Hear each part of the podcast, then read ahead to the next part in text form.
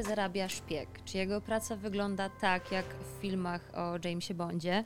Czy w ogóle opłaca się pracować dla wywiadu? I w jakiej kondycji są obecnie polskie służby bezpieczeństwa? Między innymi o tym rozmawiał dziennikarz Grupy Wirtualnej e, Polski Łukasz Maziewski z byłym szefem agencji wywiadu, pułkownikiem Grzegorzem Małeckim. Dzień dobry. Dzień dobry. E, pułkownik e, Grzegorz Małecki jest z nami w studiu, z panem Łukaszem Maziewskim połączyliśmy się i jest z nami tak naprawdę tylko duchem. Raz jeszcze bardzo dziękuję, że przyjęli panowie zaproszenie do naszego podcastu. E, konsekwencją tych rozmów, o których wspomniałam, jest e, książka. Książka w cieniu. E, to ona jest pretekstem naszego dzisiejszego spotkania. Ja już jestem po lekturze i już w tym momencie mogę Państwu tę książkę bardzo polecić. Ja pozwolę sobie zacząć od pytania do pana Łukasza Maziewskiego. Troszkę dlatego, że no też jestem dziennikarką i to było takie moje pierwsze pytanie, które mi się nasunęło. nasunęło. Panie Łukaszu, ja bardzo gratuluję wytrwałości i chciałam zapytać, jak to jest tak często podczas e, jednej rozmowy słyszeć, że no niestety nie uzyska Pan odpowiedzi na zadane pytanie. Dzień dobry, dziękuję. Y, byłem na to przygotowany. Zdawałem sobie sprawę, że pan pułkownik y, dalece nie o wszystkim może mówić. E, wiele, bardzo nawet wiele e, rzeczy, które zostało poruszone, nie mogło zostać wyartykułowane mm, publicznie ze względu, z prostego względu tajemnica państwowa. Y, można zasygnalizować niektóre rzeczy, można próbować je omówić. Natomiast powiedzenie pewnych e, wypowiedzenie pewnych kwestii na głos po prostu nie wchodziło w grę. Staraliśmy się e, dać, naszemu, dać naszym czytelnikom pole do tego, żeby mm, wyciągali wnioski z tego, co, co mówiliśmy, z tego, co mówił pułkownik staraliśmy się poprowadzić tę rozmowę w taki sposób, żeby e, każdy mógł znaleźć w niej coś dla siebie, ale także pewne rzeczy wyartykułować sobie samemu w głowie. Aczkolwiek oczywiście nie jest to e, szczególnie łatwe, kiedy w wielu momentach słyszysz, przepraszam, słyszysz odpowiedź, że Yy, no, nawet jeżeli miałbyś poświadczenie bezpieczeństwa do wysokiej klauzuli, to też nie o wszystkim mógłbyś wiedzieć. Ale z tym musiałem się pogodzić. I wydaje mi się, że dałem sobie, jak umiałem, radę. Jasne, dlatego tym bardziej gratuluję wytrwałości i pozwolę sobie jeszcze e, troszkę, e, troszkę pozostać przy tym temacie, e, bo chciała, Pan zawodowo zajmuje się wojskiem, bezpieczeństwem, służbami. Moje pytanie brzmi, czy najpierw był rozmówca, czy najpierw był temat? Czy najpierw chciał, wyszedł Pan od tego myślenia, co z tymi służbami tak naprawdę się dzieje? Czy może najpierw spotkał Pan Pana pułkownika i on był inspiracją, żeby taki wywiad przeprowadzić? Yy, nie mówmy, że służby inspirują dziennikarzy. To nigdy nie jest dobre. Yy, a tak serio. Yy, nie. Zajmując się przez kilka lat dobrych mm, dziennikarstwem, szczególnie upodobałem sobie bezpieczeństwo jako, jako tematykę. Nie obce, nie, nie, nie obce jest mi to, co dzieje się w wojsku, nie obce jest mi to, co dzieje się w policji, także w służbach specjalnych. Później, kilka lat, po kilku latach pracy, spotkaliśmy się mm, z pułkownikiem, z panem pułkownikiem Małeckim. A jeszcze kilka lat później wpadliśmy na pomysł wespół w zespół, że może warto byłoby napisać książkę i tę książkę napisaliśmy, mają Pani przed sobą, niedługo trafi ona do czytelników. Mam nadzieję, że przyjmą ją ciepło. Ja również mam taką nadzieję i teraz przychodzę do pana pułkownika. Ja oczywiście jak najbardziej rozumiem to, o czym powiedział pan Łukasz, że to są tematy tajne, owiane jakąś tajemnicą. Dlaczego mimo wszystko zdecydował się pan, żeby no, mimo wszystko dużo ujawnić w tej książce? Ja bym nie powiedział, że ja cokolwiek ujawniłem, ja tylko przybliżyłem e, szereg kwestii, które na to zasługują i które można przybliżyć. Dlatego, że kluczową kwestią jest to, że e, w dzisiejszych czasach, w drugiej dekadzie XXI wieku, standardy w stosunku do tego, co działo się 10, 20, 30 lat temu e, w państwach demokratycznych, w odniesieniu do służb specjalnych uległy e, daleko idącym zmianom.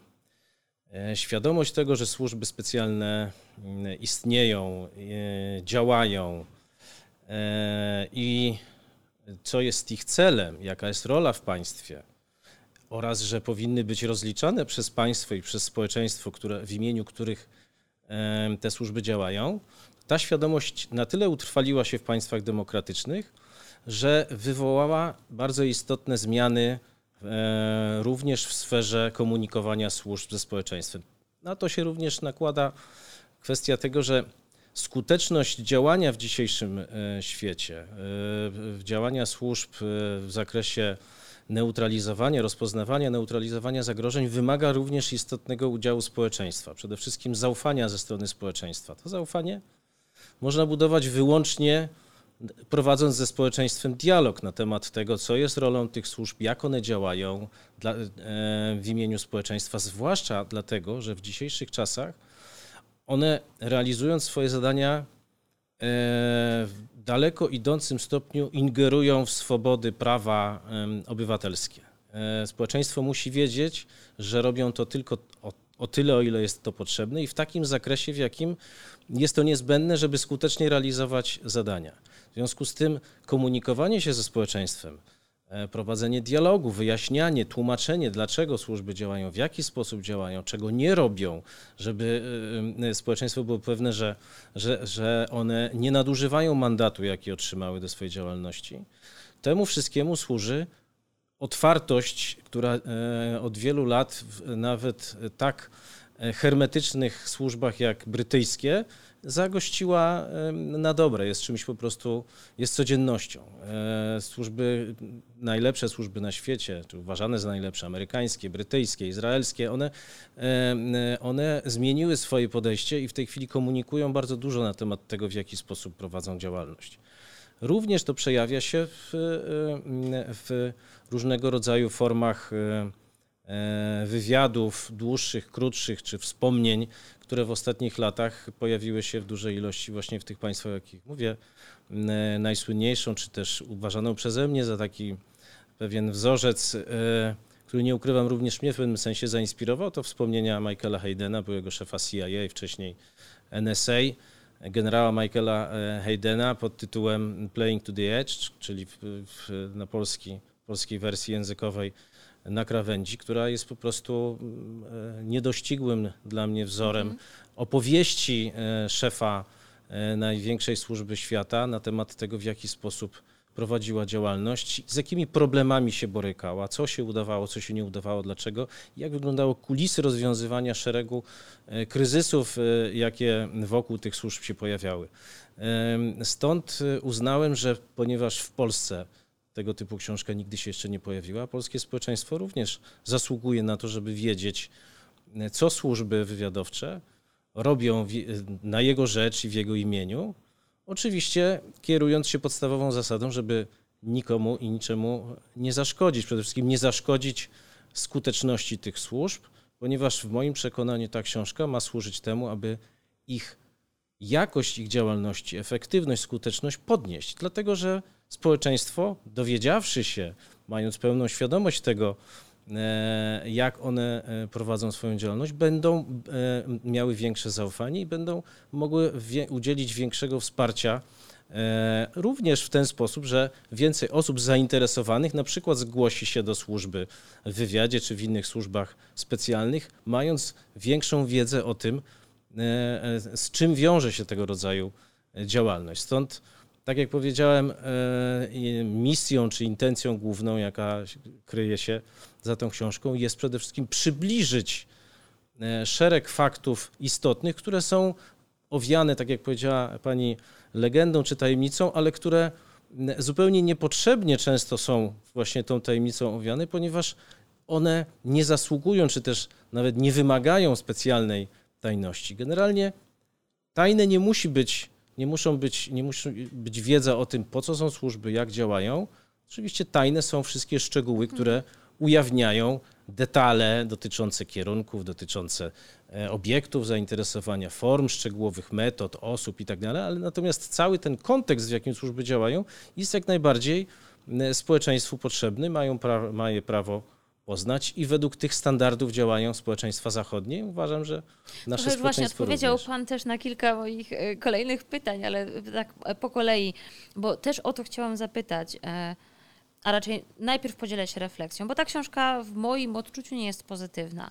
E, tam jest bardzo dużo zarzutów e, do instytucji, do, do osób, do polityków, którzy się już przewinęli przez kilka ostatnich e, lat, no po, po 89 przez naszą polityczną scenę. I też miałam tak, zatrzymałam się na tym i zadałam sobie pytanie, czy właśnie nie bali się panowie, że ta książka może bardziej zaszkodzić. Ale służbą? nie, nie służbą, a raczej tym, co właśnie społeczeństwo myśli o służbach. Na temat tego, co społeczeństwo myśli, sporo się napis, to zostało napisane i to, co społeczeństwo myśli, niestety również też jest bardzo y, y, negatywne. Znaczy, wokół służb, polskich służb specjalnych przez minione 30 lat narosło mnóstwo nieporozumień, stereotypów bardzo mhm. krzywdzących, często fałszywych, będących między innymi pokłosiem tego, że służby i państwo nie komunikowało się właściwie ze społeczeństwem. Kiedy e, służba nie prowadzi własnej polityki wizerunkowej, czy też nie, prowadzi, nie komunikuje się, nie prowadzi dialogu z różnymi aktorami społecznymi, wtedy jakby grę przejmują różni, że tak powiem, e, uzurpatorzy, którzy nadają pewną narrację, kierując się własnym wyobrażeniem, często bardzo od, odległym od rzeczywistości. Mhm. Krótko mówiąc, w moim przekonaniu obraz na temat służb jest w Polsce bardzo mocno zmistyfikowany, zdeformowany i stąd między innymi rozwiewanie szeregu wątpliwości czy też stereotypów, które się legend, mitów, które się, które się nagromadziły przez te lata. Niestety wiąże się to również z, z, z, wielokrotnie z, z jakby przybliżeniem e, przykrych okoliczności e, z jakimi e, działalność służb była wiązana, dlatego że w tej minionej, w tych, tej historii 30 lat było również szereg błędów, nieporozumień, ale z nimi też się trzeba rozliczyć. To jest na zasadzie jakby zamknięcia tematu, żeby nie ciągnęły się pewne legendy, mity i tak dalej. Zamknijmy ten temat, odnieśmy się do spraw, które były, nadajmy pewną, pewną moją, to, bo to jest oczywiście moja perspektywa, prawda? W moim przekonaniu słuszny obraz mhm. tego, co się wydarzyło, po to, żeby te, że tak powiem, konflikty wokół tych spraw minionych nie ciągnęły się przez kolejne lata. Ja myślę, właśnie to była moja idea, że zamknijmy, rozliczmy przeszłość po to, żeby w przyszłości podobne rzeczy się nie pojawiały. Wyciągnijmy wnioski z tych błędów, z tych nieprawidłowości, które, e, które zaszły, ale nie możemy myśleć o przyszłości, nie rozliczając przeszłości. Ale nie chodzi o to, żebyśmy w tej chwili polowali na czarownicę, znowu mm. kłócili się o to, kto miał rację, kto nie miał racji i, i wyciągali bez końca te tematy. Po prostu zachęcam, oczywiście to jest moja perspektywa, zachęcam innych do tego, żeby również spojrzeli na to ze swojej perspektywy, ale pod warunkiem, że ta debata ma zamknąć ostatecznie przeszłość e, i zacznijmy budować e, przyszłość służb, ale w oparciu o wnioski, które konstruktywne wnioski, jakie wyciągamy e, z tych błędów, jakie w przeszłości się wydarzyły. Właśnie mam wrażenie, że ta klauzula ściśle tajna jest trochę wypaczona w tym sensie, że właśnie ściśle tajna, ja rozumiem e, te wszystkie działania, o których Pan mówił, ale właśnie to poszło u nas jakby trochę dalej i to jest ściśle tajne już tak całkowicie, że, że my jako społeczeństwo nawet nie mamy dostępu właściwie do tej podstawowej wiedzy na temat różnych afer, które w tej książce są też opisane i, i za to bardzo dziękuję. Chciałam też e, Pana Łukasza o to dopytać, e, jak właśnie, jakby wracam do tego pytania, czy, czy Pan jako dziennikarz właśnie nie bał się, nie bał się też tego oskarżenia, że tutaj bawicie się Panowie w jakieś wyliczanie nie wiem, krzywd sprzed lat i, i wszystkich afer, co oczywiście od, od, od razu podkreślę, bo to też jest bardzo istotne, mam wrażenie, że tutaj jakby to nie jest skupianie się na jednej politycznej władzy, to jest rzetelne przejście przez różne etapy, więc e, każda partia właściwie dostaje porówno. Tak, można powiedzieć. Pewnym, pewną ideę fix e, tej książki było, tak jak powiedział pan pułkownik, e, oczyszczenie służb, polskich służb, służb specjalnych y, z niektórych mitów, bo mm, dookoła y, służb specjalnych, y, nie tylko w Polsce, ale o Polsce mówimy, więc głównie, narosła cała masa legend, półprawd, mitów, przekłamań także. Mam wrażenie, że polskie społeczeństwo z jednej strony bardzo jest, bardzo zaciekawione tym, e, co się dzieje w tych mniej lub bardziej mitycznych służbach, mm, a z drugiej strony trochę się ich boi ze względu na e, no, mroczną dosyć przeszłość e, PRL-owskiej służby bezpieczeństwa, ze względu na, na to, co dzieje się dookoła mm, obecnych służb. My chcieliśmy Mm, tak jak pan pułkownik tutaj powiedział, już pewne rzeczy spróbować zamknąć, e, pewne rzeczy wyartykułować, bo opisaliśmy tam kilka, kilka historii, które e, gdzieś w przestrzeni publicznej mm, się pojawiały, tak jak choćby e, śmierć polskiego konsula tak jak ta nieszczęsna afera respiratorowa y, sprzed roku. E, nie chcieliśmy rozliczać, y, wskazywać winnych, y, pokazywać palcem, że ten jest odpowiedzialny czy tamten. Tym bardziej, że proces formowania służb specjalnych po roku 89, a potem także, a zarazem także ich psucia, no trwał przez cały ten, cały ten okres y, od tak naprawdę odzyskania niepodległości. E, czy bałem się, że y, zostaniemy oskarżeni o, o rozliczenia? Te, te, te, takie było Pani pytanie tak, wyjściowe? Tak, tak, tak. Czy bał się właśnie czy bał się Pan poruszać ten temat? No bo tutaj jest bardzo, bardzo dużo negatywnych e, historii opisanych i ja rozumiem, że właśnie celem było to, e, żeby pokazać proces, jakby mechanizm, który doprowadził do tego, że stało się tak, a nie inaczej, ale no chyba każdy z nas wie mniej więcej, jak ludzie odbierają często taką krytykę nie biorą tej nauki, tylko biorą to, że ojeju, ktoś mi tutaj z nazwiska wymienia, e, bo przecież nazwiskami tutaj e, panowie też się posługujecie, e, że ktoś mnie wymienia i, i wywołuje niejako do tablicy. Ale taka diagnoza, a kto, kto zrobiłby, kto przeprowadziłby tę diagnozę lepiej niż były szef służby specjalnej, była tym służbom, czy tej konkretnej służbie po prostu potrzebna. E, niektóre rzeczy naprawdę warto było wreszcie nazwać, opisać, określić, a potem rzeczywiście, tak jak pan pułkownik już powiedział tutaj, myśleć o przyszłości, myśleć o przyszłości służb e, w świecie, który się zmienia nieustannie. E, jakkolwiek nie jest to truizm, tak jest to po prostu prawda. I pojawiają się nowe wyzwania, nowe oczekiwania także od służb. E, więc spróbujmy pewne rzeczy nazwać, opisać, określić, zdiagnozować, może podjąć próbę rozliczenia, a potem mm, zastanawiajmy się, co z tym wszystkim zrobić dalej. E, tu właśnie chciałam wrócić do pana e, pułkownika, bo w książce pada dużo, dużo słów o reformie, modernizacji. E, dlaczego według pana to się jeszcze nie wydarzyło? No, przyczyny są według mnie złożone. Natomiast jed, jeśli miałbym wskazać jedną zasadniczą, to jest brak, no, no niestety zabrzmi to dosyć tak pejoratywnie, mm, ale brak właściwych kompetencji naszej klasy politycznej. To jest głównym praźródłem jest niedocenienie, lekceważenie, niezrozumienie istoty i znaczenia służb wywiadowczych e, w demokratycznym państwie e, w procesie zarządzania głównie bezpieczeństwem, ale nie tylko. Po prostu nasze klas, nasza klasa polityczna i tak jak pani wcześniej wspomniała, różne formacje, które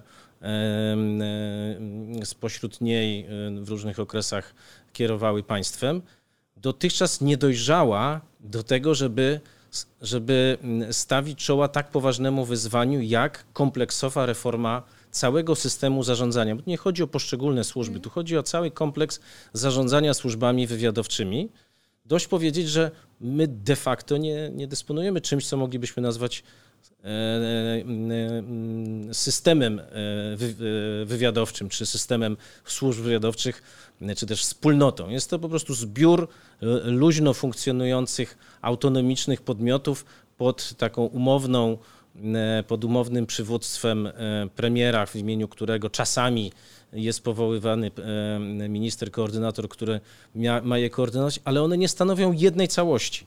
A wzorców podobnego podobnych systemów jest bez liku w nowoczesnym systemie, e, począwszy od Stanów Zjednoczonych, prawda, które są dla nas pewnym punktem odniesienia. I wydaje mi się, że to jest zasadniczy problem, że politycy, świat polityki, nie chodzi o pojedynczych ludzi, całą klasę polityczną, po prostu nauczyli się zarządzać państwem tak, jakby nie mieli tego narzędzia w postaci służb wywiadowczych. One sobie funkcjonują własnym życiem. Bardzo często e, na przykład niektórzy politycy, niektórzy premier, e, premierzy właśnie za swój cel stawiają e, przede wszystkim odseparowanie się od nich tak, żeby przede wszystkim nie dostarczały problemów, nie stanowiły mhm. źródła jakichś, jakichś kryzysów, prawda? No to, to jest fundamentalny błąd. W państwach demokratycznych, współczesnych, nowoczesnych państwach demokratycznych służby wywiadowcze Owszem, wokół nich jest pewien nim tajemniczości, często jeszcze będący dziedzictwem czasów zimnej wojny, ale dzisiaj jest traktowane tak naprawdę służby wywiadowcze jak normalne narzędzie zarządzania państwem, które ma pozwolić państwu uniknąć pewnych nieporozumień, problemów, niebezpieczeństw zawczasu. W jaki mhm. sposób? Poprzez wyprzedzające, jak to się mówi, rozpoznawanie, identyfikowanie i rozpoznawanie to się zagrożeń. wydaje szczególnie istotne, prawda? Otóż to. Mówimy bardziej o wojnach informacyjnych niż o wojnie jako takiej. Dlatego tak ważne jest monitorowanie tych mhm. zagrożeń na tak zwanym przedpolu, prawda? Po to, żeby zawczasu e, zidentyfikowane zagrożenia neutralizować, oczywiście już wtedy wykorzystując różne instytucje, instrumenty, jakie państwo ma e, do dyspozycji. Natomiast u nas to się nie przebiło. To, to z kolei nie przebiło się do klasy politycznej. To z mhm. kolei powoduje, że e, e, ta klasa polityczna nie jest zainteresowana zarówno, mówię tutaj o rządzących w różnych okresach, jak i opozycji również w różnych okresach. A powinno być tak, że to opozycja na przykład wymusza, bo, bo naturalną rzeczą jest, koleją rzeczy jest to, że, że, rząd, że każdy rząd e, stara się w jakiś sposób, przynajmniej w Polsce, jakby zapewnić sobie utrzymanie status quo, utrzymanie swojego stanu posiadania, władzy i tak dalej. Natomiast to opozycja powinna za punkt honoru postawić sobie formułowanie różnego rodzaju projektów. I tak, jeden był taki przykład. W 2001 roku to właśnie SLD, a konkretnie Zbigniew Siemiątkowski, który był tam osobą odpowiedzialną za tą, za tą działalność, właśnie w programie wyborczym zaplanowali reformę służb specjalnych. No, niestety ta reforma E, w praktyce nie była żadną reformą, tylko była dewastacją, która e, niestety e, nie, nie, nie spowodowała, nie, nie wprowadziła jakiejś nowej jakości, nowych rozwiązań systemowych czy funkcjonalnych, tylko po prostu sprowadziła się do pewnej reorganizacji, która i de facto pozbycia się kilkuset osób ze służby. Czyli ta jedyna próba, która, która została jakby podjęta, niestety zakończyła się fiaskiem. Być może w kolejnych rozdaniach wyciągano jakieś, jakieś wnioski. Pamiętamy, no, no były podjęte próby budowy nowych służb wojskowych w 2006 roku, CBA, które jest e, też wymieniane wśród służb specjalnych. Ja staram się wyjaśnić kilkakrotnie w książce, że to nie jest służba specjalna par excellence, czyli nie jest to służba wywiadowcza, tylko służba policyjna. Natomiast to nie były de facto reformy systemowe, kompleksowe tworzenie jednej służby w miejsce drugiej, a najczęściej zmienianie tylko nazwy służby, nie jest tą reformą, o której my mówimy. My potrzebujemy kompleksowej budowy systemu zarządzania służbami wywiadowczymi, dlatego że kluczowe w tej kwestii nie jest konkretnie ilość służb, czy ich nazwa, czy nawet e, konkretny zakres zadań. Przede wszystkim jest kluczową kwestią jest stworzenie mechanizmu, który będzie zapewniał wbudowanie tych służb i ich działalności w proces zarządzania bezpieczeństwem państwa. Na stałe, nie na zasadzie doraźnej, tylko stworzenie takiego mechanizmu, który będzie gwarantował, że zarządzanie państwem będzie opierało się o efekty działania e, służb wywiadowczych. Pozwolę sobie jeszcze na pewną y, glosę do, do słów y, pana pułkownika. Y, odnośnie pytania o reformę i, i polityczną wolę my w książce wyartykułowaliśmy to, że e, polskie służby są de facto bezzębne. E, nie mogą, nie mają ani szczególnej woli, nie ma ani szczególnej woli politycznej, żeby, żeby mogły ugryźć, a szczególnie przeciwnika. E, I nie, ma, nie mają też do tego szczególnych narzędzi. Oczywiście nie, nie, nie, generali, nie generalizuję, że wszystko jest źle i nie tak, jak powinno być. Niemniej jedna ważna rzecz. E, te służby stały się takie, jakimi są dzisiaj, e, ze względu na działania polityków. Być może właśnie po to, tak jak wyartykułowaliśmy to w książce, żeby nie mogły ugryźć. Szczególnie polityków, co, e, co mówiliśmy na przykładzie um, afery Olina, kiedy um, no, wydaje mi się, że pamiętamy, czego dotyczyła afera Olina, oskarżenie urzędującego ówcześnie premiera RPO o szpiegostwo um, z mównicy sejmowej gdzieś, e, gdzieś w książce w jednym z rozdziałów pada, e, pada to zdanie z ust pułkownika i wydaje mi się, że bardzo dobrze się stało, że ono padło, że między innymi po to tym służbom zęby wybito, przez, zostały one wybite przez polityków, aby te służby już więcej tak mocno i tak boleśnie nie ugryzły. A to jest, cytując klasyka, to jest więcej niż zbrodnia, to jest błąd. Tak, to, teraz sobie od razu przypomniałam to zdanie i faktycznie również się e, z nim zgadzam. Jeśli można jeszcze, jeszcze dosłownie jedno zdanie, które chciałbym e, jako puentę tej swojej ostatniej wypowiedzi, bo zwrócić uwagę na to, że książka również e, w kilku miejscach koncentruje się na tym właśnie, co powinno się wydarzyć. Mhm. Tam formułuję kilka propozycji dotyczących właśnie na przyszłość, jak przede wszystkim jaka powinna być rola służb w przyszłości, pokazując, jak one się zmieniają, w jaki istotny sposób zmiany świata wpływają na ich, na ich działalność, ale jednocześnie pokazując propozycje kierunków, w których te zmiany powinny podążyć, między innymi wzorując się na, na tych rozwiązaniach, które w państwach, które w moim przekonaniu możemy uznać za, za wiodące w tym zakresie, zostały wdrożone. No, w moim odczuciu największą zaletą tej książki jest to, że poza tym, że panowie, tak jak e, mówiłam wcześniej, wyliczacie, wymieniacie i przypominacie o aferach, e, to również bardzo dużo miejsca poświęcacie temu, co i jak można zmienić i czego my jako społeczeństwo powinniśmy od polityków e, oczekiwać. Bardzo Panom dziękuję za spotkanie.